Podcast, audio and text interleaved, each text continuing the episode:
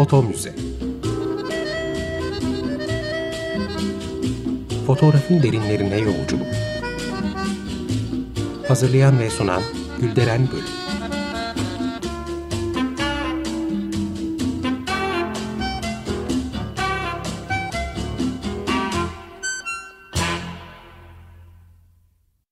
Merhaba değerli dinleyiciler, fotoğraf tarihçiniz ben Gülderen Bölük. Ee, yeni bir foto müze programında yine birlikteyiz. Ee, programa başlamadan önce destekçimiz Sayın Hakan Toptaş'a çok teşekkür etmek istiyorum. Sağ olsunlar. Ee, bu arada tabii bizi Foto Muze Türkiye adlı Instagram ve Twitter e, hesaplarından, sosyal medya hesaplarından takip etmeyi unutmayın.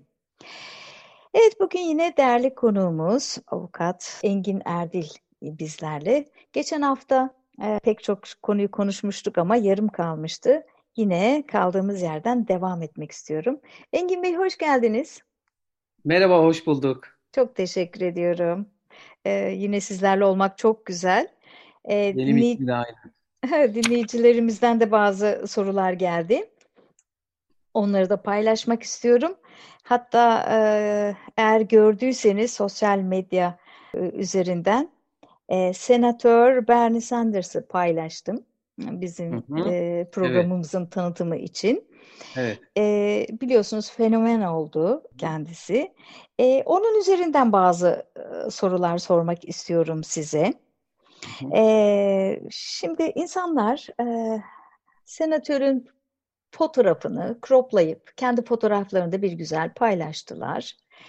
Ee, ve bu paylaşımda kendileri de aslında viral hale gelmiş olabilirler. Yani kendi hı hı. sosyal yani kendi sosyal medyalarını da yüceltmiş olabilirler. Bunlar blogger olabilir ya da vesaire. Ticari amaçlı bir yer bile olabilir. Hı hı. Ee, şimdi burada bir iki so şey sormak istiyorum. Birincisi senatörün böyle bir tişört basıp gerçi bağışladı e, kazancı ama e, fotoğrafı çeken kişiye bir sorumluluğu var mıydı? E, Bernie Sanders'ın fotoğrafını paylaşan kişiler bu fotoğrafçıya ve senatöre karşı sorumluluğu var mı? Tabii kimsenin bu konuda hukuksal olarak bir dava açacağı yok. Çok şirin bir konu çok da esprili bir konu. Çok sempatik bir görüntüydü. İnsanlar da bunu paylaştılar. Ama diyelim ki bir kişi çıktı böyle bir kişi. Hı hı. Buradan ne çıkar? Ee, geçen hafta da biraz değinmiştik. Demiştik ki işte fotoğrafı çeken ve çekilen yönünden karşılıklı çatışan haklardan bahsetmiştik. Şimdi bu e, Berlin'in fotoğrafı özelinde olaya yaklaştığımızda bir kere kendisinin bunu tişört haline getirip e, kullanması e, durumunda o fotoğrafı çeken muhtemelen gazetecidir. Hı hı. O eser sahibine karşı bir sorumluluğu var mı? Şimdi e, fikir sanat eserleri kanununa göre var. Hı. Fikir sanat eserleri kanununa göre e, tasvir edilen kişi e, fotoğrafı çeken eser sahibinden tasvir edildiği fotoğrafın e, kullanılması için izin almak zorundadır. Dolayısıyla o açıdan bakınca aslında böyle bir durum var. Tabii ben bunu kanuni olarak ifade ediyorum ama hı hı. So, e, günlük hayata e, uyarlılığı var mı? E, e, yönünden bakınca bazen işte akıllarda şu oluyor. Yani hiç de mantıklı bir e, kanuni düzenleme değil şeklinde bir düşünce söz konusu olabilir ama kanun genel kural itibariyle eser sahibinden izin alınmasını gerektiriyor. Gerektirdiğini ifade ediyor. E, ikinci yöne geçelim. Bu Bernie'nin bu fotoğrafını da işte bir sürü kullanıcı değişik şekilde parodileştirme olabilir. Daha genelde o şekliyle yapıyorlar. Hı hı. Kullanabiliyorlar. Şimdi buraya baktığımızda fotoğrafı çekilen yani tasvir edilen Bernie yönünden bir hak ihlali var mıdır? şeklinde bir durum gündeme geliyor. Geçen e, programda da söylemiştik. Kural şuydu. Tasvir edilen kişiden izin almamız lazım. Ancak bir istisna var kanunda. Der ki O da önemli bir istisna. Ülkenin siyasi ve toplumsal hayatında rol oynayan kişilerin resimleri, görüntüleri kullanılabilir. Hmm. Genel kural bu. Fakat bu kullanım da haber amaçlı olmalı. E, dolayısıyla işi parasal yöne dökmeyecek şekilde olmalı. E, şimdi siyasi bir e, figürün bu fotoğrafının halk tarafından komik bulunması mı diyelim, beğenilmesi mi diyelim, Sempatik. ilginç, sempatik bulunması diyelim, kullanılmasının herhangi bir kişilik hakkını ihlal edici bir yönü yok. Dolayısıyla Berni e, Avrupa İnsan Hakları Sözleşmesi'ndeki ya da işte mahkemesi, mahkemesindeki uygulama çerçevesinde e, eleştiriyi göğüsleme siyasilerin özellikle göğüsleme yükümlülüğü de dikkate alındığında herhangi bir hak ihlali söz konusu olmayacaktır. Ancak Hı hı. tabii burada yine kişilik hakkı açısından şu var. O fotoğrafı kişilik haklarını zedeler pozisyona getirirsek o zaman tabii ki Berni'nin hak e, ihlali olduğu gerekçesiyle e, açacağı davayla karşı karşıya kalabiliriz ama tabii hiçbir siyasi de böyle bir davayı açmaz. Hele bu kadar popüler bir hale gelmiş ise. Şimdi peki bunu biraz daha farklı bir yöne çekelim. Ee, yine ünlü bir kişi olsun da siyasi olmasın. Ee, yani Bernie'nin fotoğrafından da örnekleri sürdürebiliriz. Ee, ben Bernie'nin fotoğrafını kullandım çünkü çok da esprili bir şey yakaladım ve birdenbire benim ticari sitem, hesabım, blogum her neyse e, şey hale geldi. İlginç hale geldi. E, bu durumda da mı sorumlu değilim? Şimdi şey açısından e, bakalım.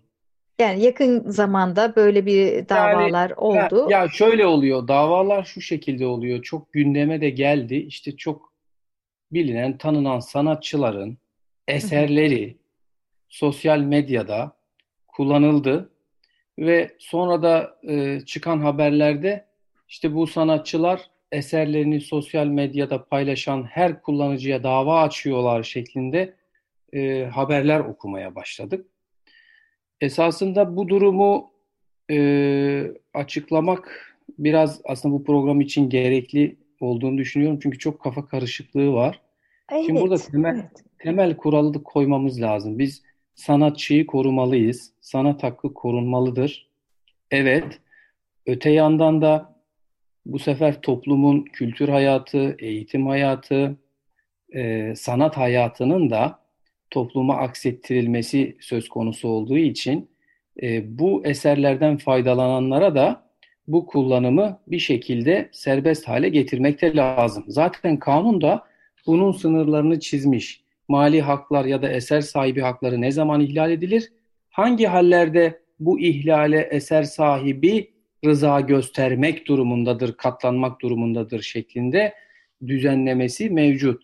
Şimdi bir eser sahibinin e, beğenilen e, bir eserinin, örneğin fotoğrafının, örneğin karikatürünün e, sıkça paylaşıldığı sosyal medya hesaplarında sırf sosyal medya hesabında paylaşıldığı için e, eser sahibinin dava açıp benim eserim paylaşılıyor diye bunu engellemesi mümkün değil. Yani sosyal medya mecrası ticari bir mecra olmadığı müddetçe şahsi bir paylaşım ve beye- beğeni ölçütlü, beğenildiği için paylaşılmış ise zaten sanatçının da tutup sosyal medya kullanıcısına bu davayı açacağını ya da açtığını düşünmüyorum. İhlal şurada gündeme geliyor esasında. Onun çok iyi ifade edilmesi lazım. Ee, bazen e, davalarda da karşılaşılıyoruz, karşılaşıyoruz bilirkişi olarak. Bir internet sitesi açılıyor. O internet sitesinde örneğin bir sanat dalıyla ilgili olduğu e, belirtilip belirtiliyor ve orada işte bir sürü eser paylaşılıyor. Fakat o eser paylaşımı yapılan sitenin amacının aslında reklam olduğunu Hı. ve e, o like alaraktan reklamlardan para kazanmayı amaçladığını ve o eserden faydalandığını gördüğümüz vakit o zaman ihlal söz konusu oluyor. Hı. Bu durumda da eser sahibi e, niye dava açıyor dediği şeklinde bir yaklaşım e, çok da mantıklı değil. Yani işin içine parasal kazançlar girmiş ise o parasal kazançtan da eser sahibi faydalansın, ondan izin alınsın demekte kanun koyucumuz. Yani dolayısıyla bu sınırı çok iyi irdelemek lazım. Evet. Evet, e, burada bazen e, karışıklık çıkabiliyor. Çünkü sosyal medyada ince ayarlar mı var diyelim. Örneğin ticari bir site e, olabilir ama onun bloğu e, hiç de ticari görünümlü bir blog değil. Ama dolaylı olarak ticari e, kanadına da e, bir şey yapıyor. Hı hı. Bağlantı yapıyor. Doğru. Yani sanatçının da bu anlamda gündeme gündeme gelmesi ve popülerleşmesi de e, onun açısından da iyiymiş gibi insan düşünüyor. Yani şey burada biraz Doğru. çizgiler yani, karışıyor. Evet yani sanatçı sana eserini aslında meydana getirirken o esere toplumun ilgi göstermesi onun ruhunu da okşayacaktır. Onun tanınırlığını evet. da arttıracaktır. Evet. Bunda hiçbir sıkıntı yok. Hiçbir sanatçı da zaten ben bunu istemiyorum demez. Hı hı. Fakat iş tanınırlık ya da e, beğeni ölçüsünden çıkıp sanatçının emeğinden para kazanmaya gelirse o zaman tabii ki sanatçının da e, korunan hakları var ve sanatçı da tabii ki haklarını koruyacaktır. Dolayısıyla hı hı. her zaman hukukta çatışan menfaatler vardır. Fakat bu iki menfaati de hakkaniyet temelli sorun çözerek ortadan kaldırmak gerekiyor. O çerçevede de tabii e, fikir sanat eserleri kanunu çok bilmeyenler için çok tuhaf gelebilir ancak e, sanatçıların böyle özellikle kendi eserlerinin viral şekilde kullanımından ticari kazanç elde etmeye varılması noktasında haklarını kullanmasında bir sıkıntı Hı. olduğunu düşünmüyorum. Anlıyorum. Peki ve az önce söylemiştik siyasilerin e, fotoğraflarının izinsiz kullanılmasında bir sakınca yoktu herkes tarafından. Yani Bernie örneğinde olduğu gibi. E, sanatçılar için de bu geçerli değil mi? Sanatçıların portreleri, yani biz bir, sevdiğimiz bir sanatçının herhangi bir fotoğrafını rahatlıkla paylaşabiliyor muyuz? Şimdi yine şeye geldik. O Çok fotoğrafı o fotoğrafı kim çekti? Kim çekti? Ondan bir izin alalım önce. Hmm. Yani şimdi de o, o çok önemli. Evet. Fotoğraf, o orada zaten e, şey gündeme geliyor. Sorun. Yani foto, e, sorun orada gündeme yani neticede tasvir ettiği kişi çok ünlü bir kişi, ünlü bir yazar. Hı hı. Hatta ünlü Fakat, bir siyasetçi diyelim ünlü bir ki. bir siyasetçi ama fotoğrafı çeken e, kişi eser sahibi. O hı hı. fotoğrafla ilgili izin vermeye mukta, muktedir olan kişi o. Dolayısıyla iznimizi ondan istemeliyiz. Ee, Şimdi peki böyle bir durumda hemen başka bir soru e, sorayım. Paylaştık ve e, diyelim ki onu kimin çektiğini de biliyoruz. Hangi sanatçının e, ürettiğini biliyoruz, fotoğrafı çektiğini biliyoruz. Mentionladık ya da ismini fotoğrafçının e, ve hashtagledik. Yine şeye gelelim. Geçen hafta basit anlattık. Mali hakkımız, manevi hakkımız var demiştik hmm. fotoğrafçı olarak değil mi? Tamam. Şimdi e, hashtaglediğimiz zaman o fotoğrafın sahibinin o kişi olduğunu, fotoğrafçı olduğunu bir kere ortaya koymuş oluyoruz. Hı hı. O anlamda manevi hak olarak eser sahibi olarak tanıtılma hakkı yönünden bir ihlalimiz de söz konusu değil. Dolayısıyla manevi hak ihlali yok. Hı hı. Şimdi gelelim parasal anlamda bir hakkı ihlal edildi mi mali hakkı diye baktığımızda bizim yaptığımız paylaşım ekonomik para getiren, kazanç sağlayan bir yaklaşım ya da paylaşım değilse şahsi bir paylaşım ise yine hak ihlali söz konusu değil. İzin hmm. almaya gerek yok. Ama iş parasal hak anlamında para kazanmaya, ekonomik çıkara geldiği vakit o zaman eser sahibinin hakkı, manevi hakkı gündeme gelir. Evet, burada çizgilerin çok çok net olmaması, keskin olmaması belki de doğal bir şey. Çünkü Evet. çok ince dengeler var. Doğru. Bir de şunu sormak istiyorum. Geçen programda demiştiniz ki bir koleksiyoner sanatçının eserini satın aldığında e, ve sanatçı ileriki zamanlarda bir sergi açmaya karar verdiğinde bu satın alan koleksiyonerden eserini almak ve sergi boyunca sergileme hakkına sahip demiştik. Şimdi fotoğraf çoğaltılabilir bir yapıya sahip. Bu fotoğraf içinde geçerli mi? Gerçi deneysel fotoğraflar genellikle unik oluyor. Bir tane e, çıkabiliyor. Onlar için kabul ama çoğaltılabilir bir fotoğraf içinde bu söz konusu mu? Bir de bu bağlamda fotoğraf sanatçısı bu eserini satarken e, genelde yaygın olduğu şekliyle e, bu fotoğraftan kaç tane basacağını belirtir ve yazar fotoğrafın altına. Diyelim ki 30 tane bu fotoğraftan satacağını vaat etti. E, görüldü ki sonrasında 35 tane çıktı. E, bu durumda koleksiyonerler fotoğraf sanatçısına dava açabilir mi? Evet. Şimdi öncelikle geçen hafta bahsettiğimiz e, eser sahibinin eseri satın alan ya da koleksiyonerden geçici süreyle eserini isteme ile ilgili manevi hakkı olan esere ulaşma hakkından bahsetmiştik. Ancak onu bahsederken tabii fotoğraf özelinde değil de genel itibariyle eser sahibinin hakları nelerdir kısmında değinmiştik. Şimdi bu düzenlemeye baktığımızda bu eser sahibine tanınan manevi hak e, tek basının söz konusu, tek üretilen eserler açısından olabiliyor. Fotoğraf sanatı açısından baktığınızda zaten çoğalt, çok çoğaltılabilecek e, eserler olduğu için bu esere ulaşma hakkının fotoğraf eserleri açısından geçerliliği yok. Hı hı. Dolayısıyla zaten kendisi o eserin aslını istediğinde tekrardan yaratabiliyor ya da çoğaltabiliyor. Bir tek deneysel çalışmalar için bu muaf deneysel, dene, deneysel çalışmalar için e, sergide ve özgün olması durumunda tabii ki bu hakkı kullanabilir.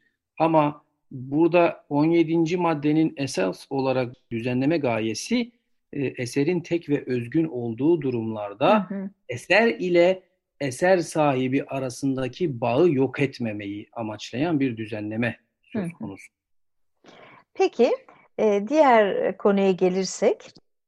Şimdi şöyle e, eser sahibi eserini oluştururken sınırlı sayıda basacağına yönelik bir e, taahhütte bulunmuş ise o eseri satın almak isteyen kişi de sınırlı sayıda olmasını düşünerek bunu almış ve bundan fayda sağlamak için bu satın almayı gerçekleştirmiş ise daha sonra sınırlı sayı e, yükümlülüğüne aykırı olarak eser sahibinin fazladan eseri yaratması durumunda ister istemez satın alan kişinin beklentisinde ya da kazancında bir azalma söz konusu olacağından eser sahibine bu yönüyle hak kaybı yönüyle dava açması mümkün. Evet.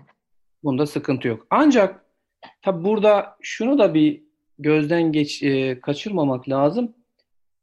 Yani sırf fotoğrafın ya da ilgili yerine 13'e 3 ya da 14'e 5 yazmak tek başına sınırlı sayıda üretme iradesini ortaya koymaya yeterli midir, değil midir? Ona da e, bakmak lazım bir sözleşme çerçevesinde bir ilişki olsa ve o sözleşmede evet sınırlı sayıda üretim taahhüdü olsa sanatçının bu doğrultuda hak ihlali var diyebiliriz ama sadece oraya 13'e 4 yazmak tek başına eser sahibinin sınırlı üretim yapma iradesini ortaya koyduğunu gösterir mi? Onu tartışmak lazım. Çok net bir şey söyleyemeyiz. Evet. Bir de e, seminerler konusuna gelmek istiyorum. Ee, bir e, kişi fotoğrafçı olabilir, işte tarihçi olabilir, e, başka alanda çalışıyor olabilir. Seminer veriyor. Bu seminer karşılığında para alıyor olabilir ya da para almıyor olabilir. Buna göre cevap değişecektir zannediyorum ama her ikisini de sizden isteyeceğim. Bu esnada kullandığı bilgilerin kaynağı, görsel malzemeler serbest midir? Şimdi e, esasında biraz şeyden bahsetmek lazım. Bu konu e, eser sahibinin bahsettiğimiz mali haklarının kanun tarafından bazı durumlarda sınırlandırıldığı haller içerisine girer mi, girmez mi? Çünkü kanunda mali haklar vardır fakat bazı hallerde toplumun gelişimine katkı mülahazasıyla onun sınırlandırıldığı haller de var. Bunlardan birisi de iktibas, alıntı serbestisi dediğimiz durum.